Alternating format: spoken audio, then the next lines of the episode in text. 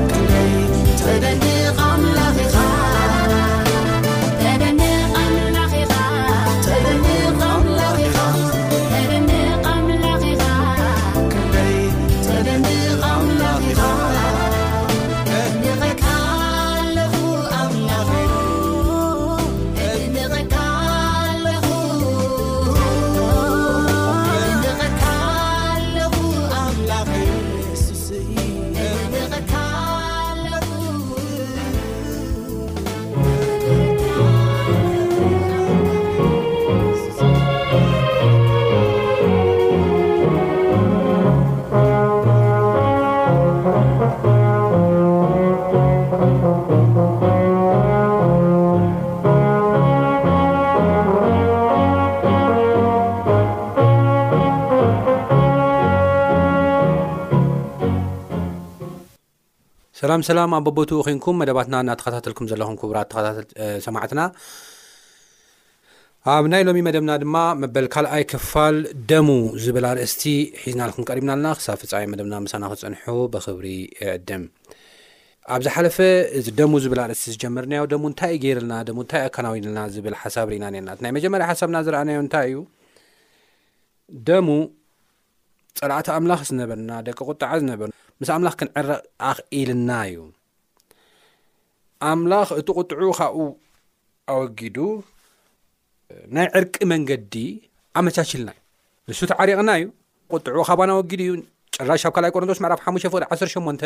መዝሙር ዳዊት ምዕራፍ 13 ፍቅዲ 12 ኮይና ንርኢ ኣለዋን በደሎም ኣይሕዘሎምን እዩ ይብለና ኣብ መዝሙር ዳዊት ምዕራፍ 1ሰለስተን ቁፅሪ 1ሰተ ክልተ ከዓ ሓጢኣቶም ኣበስኦም ምብራቕ ካብ ምዕራብ ከም ዝርሕቕ ከምኡ ኣርሒቕዎ እዩ ሓድሽ ፍጥረት ገይረዮም እየ ኢሉ ተዛሪቡ እዩ እግዚኣብሔር ይመስገን ተዛሪቡ እዩ ብጣዕሚ ዝገርም ነገር እዩ ስለዚ ንዓና እውን ክንዕረቕ ናብኡ ክንቀርብ ዓዲምና እዩ ስለዚ እዚ ዕርቂ እዚ ኣምፅ እዩ ደሙ ዝብል ርኢና ነርና ሎሚ ከዓ ብደሙ ፅድቂ ረኪብና ኢና ዝብል ሓሳብ ኢና ክንርኢ ማለት እዩ ቅድሚ ኩሉ ግን እግዚኣብሔር ምእንቲ ከምህረናን ክመርሓና ሕፅር ዝበለ ጸሎት ክንጽሊ ኢና እግዚኣብሔር ኣምላኽና ስለዚ ግዜን ሰዓትን ነመስግነካ ኣለና ሕጂ ድማ ቃልካ ከፊትና ኣለና እሞ ቃልካ ከተምህረናን ክትመርሓናን ክትገልጸልናን ንልምነካ ኣለና እሞ ብዝተረፈ ግዜናን ሰዓትናን ንስኻ ባርኮ ብጎይታና መድሓናን የሱስ ክርስቶስ ስም ኣሜን። ሎሚ ከኣ ንሪኦ ከምቲ ቅድም ኢለ ዝበልክዎ ብደሙ ጸዲቕና ኢና ዝብል ሓሳብ ኢና ክንሪኦ ማለት እዩ ጸዲቕና ኢና ማለት እንታይ ማለት እዩ በቃ ኣብ ቅድሚ ኣምላኽ ደው ምባል ክኢልና ኢና። እግዝኣብሄር ንዓና ከም ሓድሽ ሰብ፣ ከም ሓድሽ ፍጥረት፣ ካልኣይ ቆሮንቶስ ምዕራፍ ሓሙሽተ ፍቕዲ ዓሰርተ ሸውዓተ፣ ከም ሓድሽ ፍጥረት ሓጢኣት ከም ዘይገበረ ንጹህ ሰብ ገይሩ እዩ ዝቕበለና። ከም ናይ ትማሊ ሓጢኣተኛ ከለኻ ወይ ድማ ደቂ ቁጥዓ ብዝነበርኩምሉ ገይሩ ይኮነ ዝቕበለኩም ወይ ድማ ዝርእየኩም ከም ሓድሽ ፃድቕ ምንም ሓጢኣት ዘይብሉ እንከን ዘይብሉ ገይሩ እዩ ዝቕበለና እዩ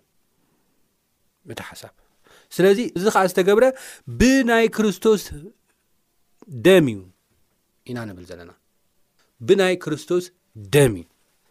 ምንም ሓጢኣት ከምዘይሰርሐ ይብል እዩ ካልኣይ ቆሮንቶስ ብክርስቶስ ዘሎ ኩሉ ሓድሽ ፍጥረት እዩ እዩ ዝብልና ምንም ሓጢኣት ከምዘይገበረ ገይሩ ከም ዝቕበለና እዩ መፅሓፍ ቅዱስ ዝዛረበና ከመይ ግን ክኸውን ክኢሉ ዝብደሙ ዝብል ሓሳብ ኢና ሎሚ ክንሪኦ ማለት እዩ ሮሜ ምዕራፍ ሓሙሽተ ፍቕዲ ዓሰርተ ሸሞንተ ከይድና ኣብ ንሪእየሉ እዋን ከምዚ ይንበብ ሮሜ ምዕራፍ ሓሙሽተ ፍቕዲ ዓሰርተ ሸሞንተ ከምዚ ይብል እምበኣርሲ እቶም ብዙሓት በቲ ዘይምእዛዝ ሓደ ሰብኣይ ሓጥኣን ከም ዝኾኑ ከምኡ ብምእዛዝ እቲ ሓደ ወይ ድማ ክርስቶስ እቶም ብዙሓት ጻድቃን ክኾኑ እዮም እሞ ከምቲ ብሓንቲ ኣበሳ ናብ ኩሉ ሰብ ኩነኔ ዝመፀ ከምኡ ድማ ብሓንቲ ግብሪ ፅድቂ ብሓንቲ ግብሪ ጽድቂ ምጽዳቕ ህይወት ናብ ኩሉ ሰብ መጸ ስለዚ እታ ጽድቂ ናባና ዝመጸት ወይ ድማ እታ ጽድቂ ንሕና ክንረኽባ ዝተገብረ በቲ ሓደ ጽድቂ እዩ በቲ ሓደ ዝገበሮ ወይ ድማ ክርስቶስ ብዝገበሮ ጽድቂ እዩ ናይ ክርስቶስ ህይወት ከመይ ነይሩ ካብ ናይ ብዝሓለፈ ዘንበብናዮ ጥቕሲ ኢሳያስ ምዕራፍ ሓ3 ዘሎ ሓሳብ ክጅምር ናይ የሱስ ክርስቶስ ህይወት ሓጢኣት ዘይብሉ ህይወት እዩ ነይሩ ኢሳያስ መራፍ 53 ከምዚ ንብል ንእከይ ዘይገበረ ሓሶት ከዓ ኣብ ኣፉ ዘይተረኽበ ክነሱስ መቓብሩ ምስ ረሲኣን ገበሩ ብሞቱ ምስ ሃብታም ኮነ ይብለና እከይ ዘይገበረ ሓሶት ከዓ ኣብ ኣፉ ዘይተረኽበ ይብለና ብጣዕሚ ዝገርም ነገር ሓጢኣት ኣይነበረ ቀፂል ናብ ሓድሽ ኪዳን ከዓ ክልተ ጥቕሲ ከንብብ ይደሊ እታ ቀዳመይቲ ብዙሕ ግዜ ዝፈትዋ ጥቕሲ እያ ብዙሕ ግዜ ድማ ዝጥቀመላ ጥቕሲ ኣብ ቀዳማ ጴጥሮስ ምዕራፍ ክልተ ፍቕዲ ዒስራን ሓደን ዘላ እያ ከምዚ ንበብ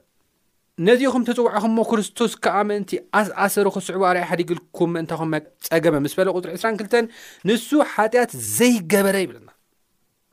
ተንኮሉን ኣብ ኣፉ ዘይተረኽበ ምስ ፀረፉ መሊሱ ዘይፀረፈ መከራ ምስ ዝገብኡ ከዓ ነቲ ብቕንዕና ዝፈርድ ደኣ ነገሩ ኣሕሊፉ ሃበ እምበር ዘይፈራርሀ ንሓጢኣት ሞይትናስ ንጽድቂ ምእንቲ ክንነብር ንሱ ባዕሉ ንሓጢኣትና ኣብ ስግኡ ኣብ ዕንጨይቲ ጾሮ፣ ብቑስሉ ኢኹም ዝሓወይኩም ይብለና። ሓጢኣት ኣይገበረን። ተንኮል፣ ሓሶት ኣብ ኣፉ ኣይተረኽበን። ኣብ ልቡ ኣይተረኽበን። ሓጢኣት ጥራሕ ተይኮነ ገይሩ ጭራሽ ኣብ ቀዳማ ዮሃንስ ምዕራፍ ሰለስተ ፍቕዲ ኣርባዕተ ከይድና ኣብ ንርእየሉ እዋን ነፍሲ ወከፍ ሓጢኣት ዝገብር ምፍራስ ሕጊ እዩ ዝገብር፣ ሓጢኣት ምፍራስ ሕጊ እዩ ምስ በለ ንሱ ሓጢኣት ከርሕቆ ኢሉ ከም እተገልጸ ትፈልጡ ኢኹም። ኣብኡውን ሓጢኣት የለን፣ ኣብ ውሽጡውን ሓጢኣት የለን እዩ ዝብለና መጽሓፍ ቅዱስ ቀዳማ ዮሃንስ ምዕራፍ ሰለስተ ፍቕሪ ሓሙሽተ ጻድቕ እዩ ነይሩ ይብል እዩ ጳውሎስ እውን ክሰብኽ ከሎ ነቲ ጻድቕ ኣሕሊፍኩም ሂብኩም ኣብ መስቀል ቀተልኩምዎ ይብል ክዛረብ ከሎ ክሰብኽ ከሎ ንህዝቡ ጴጥሮስ እውን ሽዕኡ ኣብቲ ናይ ስቕለት ግዜኡ ንጻድቕ ሰብ ኣሕሊፈ ሂበ እየ እሞ ይቕረ በለኒ ኢሉ ኤይ ኤይ ኢሉ በኽዩ። ይሁዳ እውን ከምኡ ኢሉ እዩ። ጻድቕ ሰብ ምንም ዘይገበረ ሰብ ሂበ ኢሉ ኤይ ኤይ ኢሉ እዩ። ጻድቕ ከም ነበረ ኩሎም እንኳን ፈተውቱ እቶም ፈሪሳውያን እንኳን ባዕሉ ይፈልጡ ነይሮም እዮም። ጻድቕ ከም ነበረ ይምስክሩ ነይሮም እዮም። ብሓሶት እዮም ዝኸስዎ ነይሮም ንስልጣኖም ኢሎም እዮም ዝኸስዎ ነይሮም እምበር ፃድቕ ምንም ዝገበረ ከም ዘይነበረ ባዕሎም ብዓይነቶም እውን ዝምስክርዎ ሓቂ እዩ እምበኣር እቲ ፃድቕ ሂወቱ እዩ ንዓና ፅድቂ ኮይኑ ዝቁፀረልና ዘሎ እዩ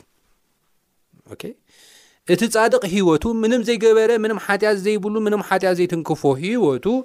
ናትና ፅድቂ ተባሂሉ እዩ ዝቁፀር ዘሎ እዩ መፅሓፍ ቅዱስ ዝብለና ዘሎ ደሙ ዝገበሮ እቲ ናቱ እንከን ዘይብሉ ህይወት፣ ሓጢኣት ዘይብሉ ህይወት፣ ናትና ኮይኑ ክቁጸር እዩ ደሙ ገይርዎ ማይ እንድዩ ክርስቶስ ልቡ ጽሩይ እዩ ነይሩ ከምቲ ሕጂ ዘንበብኩልኩም ጥቕሲ ውሽጡ ጽሩይ እዩ ኣእምሮኡ ጽሩይ እዩ ነይሩ መልሓሱ እኳ ሓሶት ኣይትዛረብን እያ ክፉእ ዘረባ እኳ ይዛረብን እዩ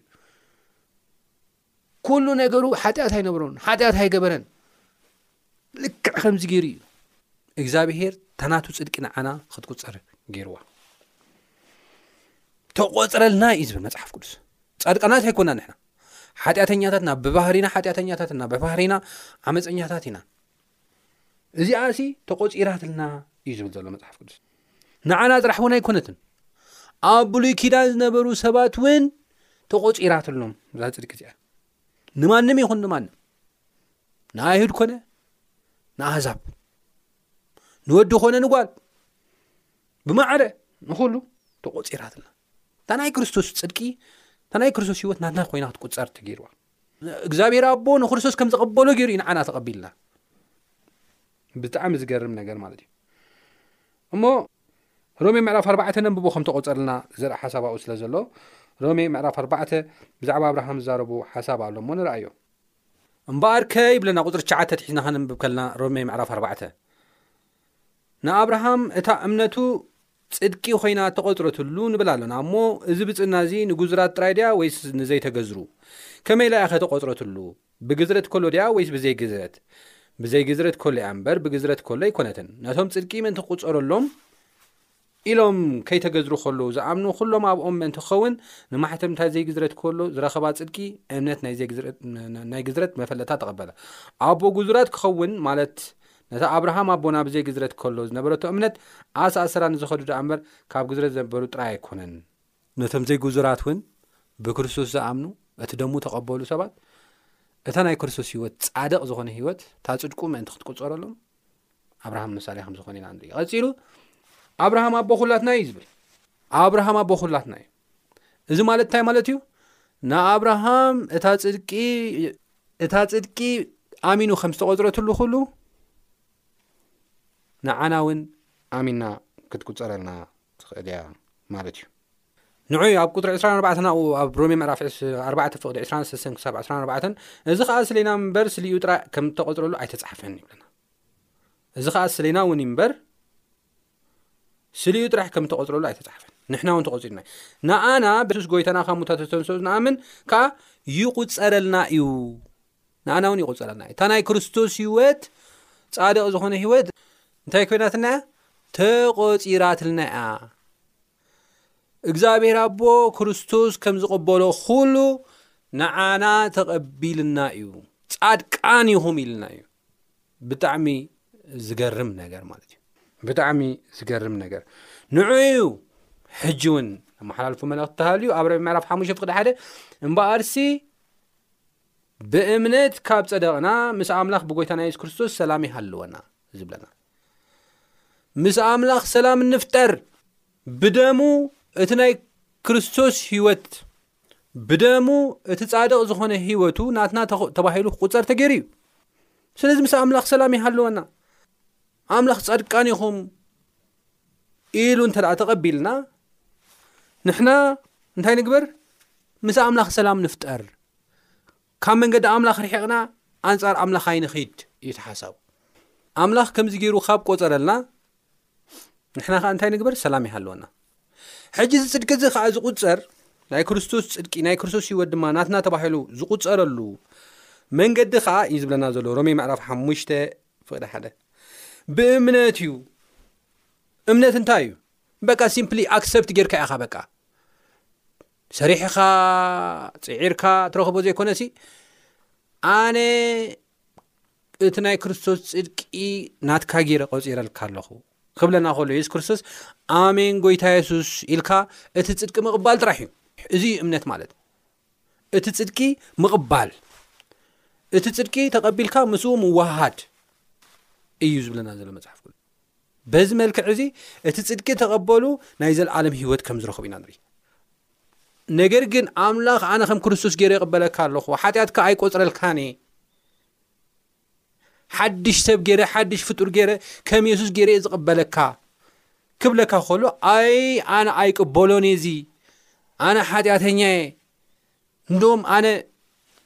ኢሉ ካብ መንገዲ እግዚኣብሄር ዝርሕቕ እንተ ደኣ ሃልዩ ግን ከምቲ ደጋጊምና ዝብሎ ዘለና ዝበኣሰ ፍርዲ ከም ፅበዩ እዩ መፅሓፍ ቅዱስ ዝዛረበና ዝበኣሰ ፍርዲ ከም ፅበዩ እዩ መፅሓፍ ቅዱስ ዝዛረበና እድሜ ኢለ ከምቲ ዝበልክዎ እዚ ጽድቂ እዚ ንኹሉ እዩ ንዝተገረዙ ንዘይተገረዙ ንወዲ ንጓል ንኣይሁድ ንኣህዛብ ንማንም ሰብ ዝተዋሃበ እዩ ነገር ግን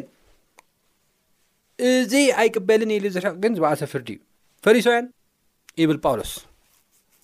ደቂ ዓዱ ኣይሁዳውያን ንጽድቂ ኣይተገዝኡን ይብለና እንታይ ይብል ሮሜ ምዕራፍ ዓሰርተ ፍቕዲ ሰለስተ ካብ ሓደ ክጅምሮ እየ ትዘለኽ ወግ ሰለስተ እዩ ኣሕዋትየ ብፍልጠት ዳኣ ኣይኮኑ እምበር ይብል ስለ ደቂ ዓዱ ክዛረቡ ከሎ ንኣምላኽ ቅንኣት ከም ዘለዎም ሰኣነ ምስክረሎም ኣለኹ እሞ ንሳቶም ክድሕኑ ሰሊኦም ሃረርታ ልበይን ናይ ኣምላኽ ጸሎተይን እዩ ክድሕኑ ምድሓን ማለት ሲምፕሊ እታ ጽድቂ እግዚኣብሄር ዝቆፀረሎምስ ኣሜን ኢሎም ምቕባል ማለት እዩ እዚ ናይ ክርስቶስ ጽድቅስ ናትካ ገይረ ቆጺረልካ ኣለኹ እንካ ዝበሃልዎ ዘለውሲ ሕራይ የቐኔለይ ኣመስግነካ ኣለኹ ጎይታይ ኢሎም ክቕበልዎ ማለት እዩ ብጸጋ ንዘይግብኦ ዝወሃብ ውህበት ኣምላኽ ክቕበልዎ እዩ እግዚኣብሔር ነዚ ኣዩ በቃ ዝልምነና ዘሎ ተቐበልዎ ጀስት ኣይ ዊል ጊቭ ዩ በቃ ሂበኩም ኣለኹ እሞ ተቐበልዎ እያ እመኑ እታ እምነት ሲ ምቕባል እያ ኢድካ ዘርጊሕካስ ምቕባል ማለት እያ እታ ናይ እምነት ትርጉም ከድና ክንሪኣ ከለና ብዛ ሓሳብ እዚኣ ኣብታ ዝሃብኩኻ ውህብቶ ከዓ ተኣመን ኣብኣ ተወከል እዩ እዚኣ እያ እታ ሓሳብ እዚኣ እግዚኣብሄር እዛ ካባና ዝደልያ ዘሎ ነገር ግን ኣብቲ ግዜ እቲ ዝነበሩ ኣይሁድ ቀፂለ ከንብቦ ከለኹ ክርስቶስ ነቲ ዝኣምን ዘበለ ኩሉ መደምደምታ ሕጊ ንፅድቂ እዩ እሞ ፅድቂ ኣምላኽ ሰኣን ምፍላጦም ጽድቂ ኣምላኽ ሰኣን ምፍላጦም ጽድቂ ርእሶም ክተኽሉ ብምድላዮምሲ ንርእሶም ኣብ ትሕቲ ጽድቂ ኣምላኽ ኣየግዝኡን ይብለን ንትሕቶም ኣብ ርእሲ ጽድቂ ኣምላኽ ከግዝኡ ይፈተው ንምንታይ ጽድቂ ርእሶም ክተኽሉ ስለ ዝደልዩ ጻድቃናት ኢና ኢሎም ኣብ ቅድሚ ሰባት ክረኣዩ ስለ ዝደልዩ ንሕና እኮ ዓበይቲ ሰባት ኢና ሰብ ታሪኽ ኢና ቤተ መቅደስ ዘለና መጀመርያ መፅሓፍ ተዋህበና እኮ ንሕና ኢና ኢሎም ክዕበዩ ምእንቲ ንፅድቂ ኣምላኽ ኣይተገዙን እታ እግዚኣብሄር ዝሃቦም ውበት ብገንዘብ ብወርቂ ብድያመንድ ክትርከብ ዘይትኽእል ፅድቂ ንዓኣ ክረክብ ክቕበሉ ኣይከኣሉ ንዓ ክግዙ ይከኣሉ ጽድቅኦም ናይ መርገም ጨርቂ ከም ዝኾነ ንዕኦም ንጽድቅኦም እቲ ጽድቂ ኢሎም ዝዛረብዎ ኩሎም ንጥፋኣት ከም ዝኾነ መፅሓፍ ቅዱስ ዝገለጹ ስሊኦም ኣይተረድኡን ስለ ዘይተረድኡ ከዓ በቲ ፅድቂ በቲ ናቶም ፅድቂ ይምክሑ ነይሮም ነገር ግን ኣብ ኢሳያስ ከይደም ዘንብበሉዋን እቲ ናይ ደቂ ሰባት ፅድቂ ግን ናቶም ፅድቂ ግን ወይ ድማ ሕጂ እውን ከም ኣይሁድ ናይ ገዛእ ርእሶም ጽድቂ ክተኽሉ ዝጽዕሩ ሰባት፣ ብገዛእ ርእሶም ስርሖም ክጸድቁ ዝደልዩ ሰባት ዝውክል እዩ ጥቕሲ እዚ ኣይተረድኡን ናቶም ፅድቂ ከመይ ዓይነት ፅድቂ ከም ዝኾነ ናበይ ከም ዘብፅሕ ኣይተረድኡን ኢሳያስ ከም ብበልኩም ይደሊ ኢሳያስ ምዕራፍ ስሳን ኣርባዕተን ፍቕዲ ሽዱሽተ ኩላትና ከም ሓደ ርኹስ ኮና ብዘሎ ፅድቅና ከዓ ከም ፅዩቕ ክዳን እዩ ኩላትና ከም ቆፅሊ ቐምሰልና ኣባሳና ድማ ከም ንፋስ ይብቁጸና ኣሎ ይብል እቲ ጽድቂ ኢሎም ጽውዕዎ ነገር ኩሉ ከም ጽዩቕ ክዳን እዩ እዩ ዝብለና ዘሎ ጽዩቕ ክዳን ማለት ሰብ ክሪኦ ዘፈንፍን ዘጽልእ ክዳን ማለት እዩ ጨርቂ ማለት እዩ ብሽትኡ በልዎ መልክዑ ኣዝዩ ዘጽልእ ማለት እዩ ደቂ ኣንስትዮ ኣብ ወርሒ ፅገነኤን ዝጥቀምሉ ጨርቂ ማለት እዩ ፅዩ ክዳ ማንም ሰባ ይርኦን እዩ ደቂ ኣንስትዮ ውን ጨርቂ ክሪኦ ኣይደልያን ን ትክዳን ክሪኦ ኣይደልያን ን ሓበን ን ዝጉሕፎ ወይ ቐብሮ ማንም ሰብ ክሪኦ ኣይደልያን ን ከመ ዩ ፅድቅና ኣብ ቅድሚ እግዚኣብሄር ብሓጢኣት ብበደል ብተፈላለየ ነገር እንታይ ዝኾነይ ዝተባላሸወ እዩ ዝረኸሰ እዩ እዚ ነገር እዚ ከዓ ኣብኡ ኣብ ኢሳያስ ምዕራፍ ስሳን ኣርባዕተን ኬድና ደንብበሉዋን ኩላትና ከም ቀፅሊ ከምሰልና ኣበሳና ድማ ከም ንፋስ ይብቁፀና ኣሎ ይብቁፀና ኣሎ ዘጥፋኣና እውን እዩ እዩ ዝብለና ዘሎ መፅሓፍ ቅዱስ እቲ ንሕና ፅድቂ ኢልና ንቆፅሮ ነገር የጥፋኣና ኣሎ ኣብ ቅድሚ እግዚኣብሄር ኮነ ኣብ ካልእ ንዓና የጥፋኣና ኣሎ ይብቁፀና ኣሎ እዩ ዝብለና መፅሓፍ ቅዱስ ነዚ እግዚኣብሄር እታ ኣነ ዝሃብኩኹም ጽድቂ ህይወት ኣላታ ሰላም ኣላታ ካብዛ ጥፍኣት ካብዚ ምብቋጽ የድሕነኩም እዩ እታ ኣነ ዝህበኩም ዘለኹ ጽድቂ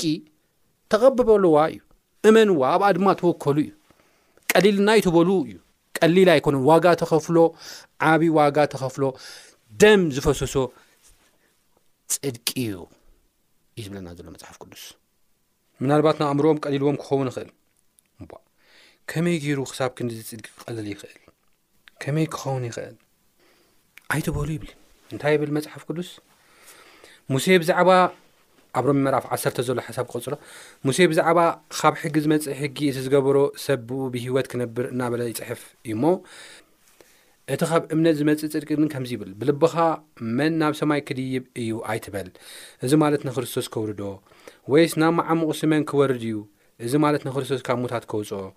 እንታይ ደኣ ይብል? እቲ ቓል ኣብ ኣፍካን ልብኻን ጥቓኻ እዩ፣ እዚ ማለት እቲ ንሕና እንሰብኮ ቓል እምነት እዩ። እቲ ጽሑፍ ብእኡ ዝኣምን ዘበለ ኣይሓፍርን ይብል እዩሞ ሰብ ብልቡ ኣሚኑ ይጸድቕ ብኣፉ ተኣሚኑ ይድሕን። ስለዚ ብኣፍካ የሱስ ክርስቶስ ምዃኑ እንተ ነገርካ ብልብኻ ኣምላኽ ካብ ሙታት ከም ዘተንስኦ እንተ ኣመንካ ክትድሕን ኢኻ ኢሉ ዘያ ሓቂ ተቐበሎ እዩ። እግዚኣብሔር ከም ክርስቶስ ክቕበለካ ደሊ ኣሎ እቲ ጽድቂ ክርስቶስ ይብካ ኣሎ ተቐበሎ ኣይትንፈጎ እዩ ዝብል ዘሎ ኣብርሃም ከምቲ ቅድም ኢለ ዘንበብክዎ ኣብ ገላትያ ምዕራፍ ሰለስተ ፍቕዲ ሽዱሽተ እውን ከም ዝብሎ ከምቲ ኣብርሃም ንኣምላኽ ኣመኖ እሞ ጽድቂ ኮይኑ ተቖጽረኑ ዝብል እምበኣርስ እቲ መንፈስ ዝህበኩም ኣባኻትኩም እውን ሓይሊ ዝገብር ግብ ብግብሪ ሕጊ ድዩ ወይስ ብምስማዕ እምነት እምበኣር ከ እቶም ካብ እምነት ዘበሉ ንሳቶም ደቂ ኣብርሃም ምዃኖም ፍለጡ እቲ ጽሑፍ ኣምላኽ ንኣህዛብ ብእምነት ከም ዘጽድቖም ቀደም ርኣዩ ንኣብርሃም ኩሉ ኣህዛብ ብኣኻ ክባረኹ እዮም ኢሉ ኣቐዲሙ ኣበሰሮ። እምበኣርከ እቶም ካብ እምነት ዘበሉ ምስ ኣብርሃም ምስ ተኣማኒ ክባረኹ እዮም ይብል እሞ በረኸት ንደሊ እንተኮይና ህይወት ንደሊ እንተ ኮይና ምሕረት እንተ ንደሊ ኮይና እቲ ፅድቂ እግዚኣብሄር ክንቅበሎ ይግባኣና እዩ ከም ጳውሎስ ኣብ ፊልጵስ ምዕራፍ ስለስተ ፍቅዲ ሸሞንተ ዘሎ ሓሳብ ካብ ትሸዓተ ዘሎ ክንብል ኣለና እንታይ ይብል ኣይን እሞ ብእምነት ብክርስቶስ የሱስ እቲ ብእምነት ካብ ኣምላኽ ዝርከብ ጽድቂ እምበር እቲ ብሕጊ ዝመጽእ ጽድቀይ ሒዘ ኣይኮንኩን ይብል ጳውሎስ ጳውሎስ ካብ ዝገርም ነገር ካብ ነገደ ቢንያም እዩ ዝኣሰዳዲ እዩ ነይሩ ብቕንኣት ከናም ንርኢ ኣለዋን ይምካሓሉ እዩ ዝብዙሕ ነገራቱ ማለት እዩ ምሁር እዩ ነይሩ ብገዛእ ርእሱ ፅድቂ ክረክብ ዝጓየ ሰብ እዩ ነይሩ ባዕሉ እውን ይገልፆ እዩ ልዕሊ ኢለ ከንብበልኩም ከለኹ ባዕሉ እውን ይገልፆ እዩ ካብ ቅፅሪ ክልተ ትሒዘ ከንብቦ ይደሊ ካብ ኣክላባት ተጠንቀቑ ካብ እኩያት ዓይቲ ተጠንቀቑ ካብ ምቁርራፅ ተጠንቀቑ ንሕና ንኣምላኽ ብመንፈስ እነገልግሎ ብየሱስ ክርስቶስ ተመኪሕና ብስጋ ዘይንእመን ግዝረት ንሕና ኢና ብስጋ እኳ ዝእመነሉ ዘሎኒ ክነሰይ ሓደ እኳ ካልእ ብስጋ ዝእመነሉ ዘሎ እንተመሰሉ ኣነ ግዳ ዝበለፀ ኣሎኒ ይብል ጳውሎስ ኣነ ብሰምነይቲ መዓልቲ ተገረዝኩ ካብ ዓሌት እስራኤል ካብ ነገድ ቢንያም እብራዊ ካብ እብራውያን ብሕጊ ፈሪሳዊ ብቕንኣት ሰጓጉ ማሕበር ብፅድቂ ሕጊ እውን መንቅብ ዘይብለየ እዚ ንኣይ ረብሓ ዝነበረ ግና ስለ ክርስቶስ ኢለ ከም ወፅዓ ቆፀርኩ ዓይንን እሞ ይብል ድሃር ብእምነት ክርስቶስ እቲ ብእምነት ካብ ኣምላኽ ዝርከብ ጽድቂ እምበር እቲ ብሕጊ ዝመጽእ ጽድቂ ሒዘ ኣይኮንኩን ንክርስቶስ ምእንቲ ክረብሕ ብኡ ክረክብ ብሓቂ ስለ እቲ ብሉጽ ፍልጠት ክርስቶስ የሱስ ጐይታይ ኢለ ስሌኡ እዚ ዅሉ እተጸዋዕኩ፣ ኵሉ ኸም ወጽዓ እቖጽሮ፣ ከም ጐሓፍ እቖጽሮ ኣለኹ። ብዝዀነ ዀይኑ፣ ናብ ትንሳኤ ሙታት እንተ ኣርከብኩ ኢለ ብሞቱ እነመስልኮ ንእኡ ሓይሊ እተንሳኤ ትንሳኤኡን ሕብረት መከርኡን ምእንቲ ክሰልጥ ክፈልጥ ዅሉ ኸም ወጽዓ እቖጽሮ ኣለኹ ይብለና። ኣነ ዝደልያ ሓሳብ እዚኣ እንታይ እያ? ቁጽሪ ሸሞንተ ዘላ እያ። ብእምነት ክርስቶስ እቲ ብእምነት ካብ ኣምላኽ ዝርከብ ጽድቂ እምበር እቲ ብሕጊ ዝመጽእ ጽድቀይ ሒዘ ኣይኮንኩን ከምዚ ዝብል ዘለኹ እዩ ዝብል ዘሎ ንክርስቶስ ምእንቲ ክረብሕ ብኡ ክርከብ ብሓቂ ስለቲ ብሉፅ ፍልጠት ክርስቶስ የሱስ ጎይታ ኢለ ስልኡ እዚ ኩሉ ከም እተፀዋዕኹ እተወፃዕኹ ኩሉ ከም ወፃዕ ቆፅሮ ከም ጉሓፉ ቆፅሮ ኣለኹ ይብል ስደት ነይርዎ ጳውሎስ ህይወቱ ከምዚ ዓይነት ህይወት እዩ ነይርዎ ድሓር ግን እዚ ምስ ተረኸበ ተቐቢልዎ ኣነ ብእግዚኣብሄር ዝመፅእ ብእምነት እታ እግዚኣብሄር ዝሃበኒ ፅድቂ ዝቆፀረለይ ፅድቂ ሳትሕሸኒ ኢሉ እቲ ዝፅዕሮ ዝነበረ ገዲፍዎ ብዙሓት ስደት ገጢሞ ሞ ንስኻ ሓዲ ኢኻ ጠላሚ ኢኻ ኢሎሞ ምሳና ነርካ ንስኻ ክጠሊምካና ኢሎም ኣሳይዶሞ ገሪፎሞ ግን ይትረፈኒ ኣባኹም ኣትየ ሰንቲማት ካብ ዝረኽበሉ ጥቕማጥቅቅን ረብሓን እቲ ሓቂ ፈሊጠ እታ ናይ ክርስቶስ ብደሙ ዝሃበኒ ፅድቂ ተቐቢለ መከራ ምቕባል ሕሸኒ እዩ ዝብል ዘሎ ጳውሎስ መከራ ምቕባል ሕሸኒ እዚ እዩ ዝበልፀኒ ኢሉ እቲ ናትኩም ትህቡኒ ጥቕማ ጥቕሚ ኣይደልዮን እየ ኢሉ ወሲኑ ክጓዓዝ ከሎ ኢና ንርኢ ክሳብ ክንዲ ዝዋጋ ክፈለሎ ከሎ ኢና ንርኢ እዚ እንታይ እዩ ዘርእየና እንተ ኢልና ናይ ክርስቶስ ጽድቂ ዝተቖጽረልና ጽድቂ እግዚኣብሄር ድማ ብነፃ ዝሃበና ጽድቂ ምዚ ምድራዊ ሃብቲ ዝመዛዘን ከም ዘይኮነ ስለ ዝተረደአ እዩ ንዑ ኢና ከዓ ሕጂ እግዚኣብሄር ዝሃበና ዝቆፀረልና ፅድቂ ከም ክርስቶስ ገይሩ ምቕባሉ ካብ ማንም ዝበልፅ እዩ ካብ ማንም ዝበልጽ እዩ ኣብዚ ምድሪ በረኸት ኣብ መጻኢ ድማ ናይ ዘለዓለም ህይወት እውን ዘለዎ ጽድቂ እዩ እሞ ኣሕዋተይ ብደሙ ናይ ክርስቶስ ፅድቂ ከም ተቆፅረልና ፈሊጥናን ተረዲእናን እዚ ፅድቂ እዚ ክንቅበል እግዚኣብሄር ፀኩ ይብዛሓልና ደሙ ናይ ክርስቶስ ጽድቂ ንዓና ጽድቂ ኮይኑ ክቁጸር ገይርልና እዩ እሞ ንሕና ውን እዚ ክቡርን መጻኢ ህይወትና ድማ ብሩህ ዝገብሮን ነገር ተቐቢልና ክንመላለስ ይግባኣና እዩ ደጊመ ኣብዚ ሓለፈ ናይ ቃል ግዜና ውን ዘንበብክዋ ሕጂ እውን ከንብባ ዝደሊ ሓሳብ ከንብባ እንታይ ይብል እቲ ጽሑፍ ከ እንታይ ይብል ይብለና ሮሜ ምዕራፍ ኣርባዕተ ፍቕዲ ሰለስተ እቶም ዓመፅኦም እተሓድገሎም ሓጢኣቶም እተኸድነሎም ብፁዓን እዮም ኣምላኽ ሓጢኣቱ ዘይቆፅረሉ ሰብ ብፁ እዩ ብሩኽ እዩ ብፁ እዩ ይብለና ብዘይ ስራሕ ብዘይ ግብሪ ብዘይ ግብሪ ዝቆፀረሉ ሰብ ብፁ ይብለና እሞ እዚ ነገር እዚ ተረዲእና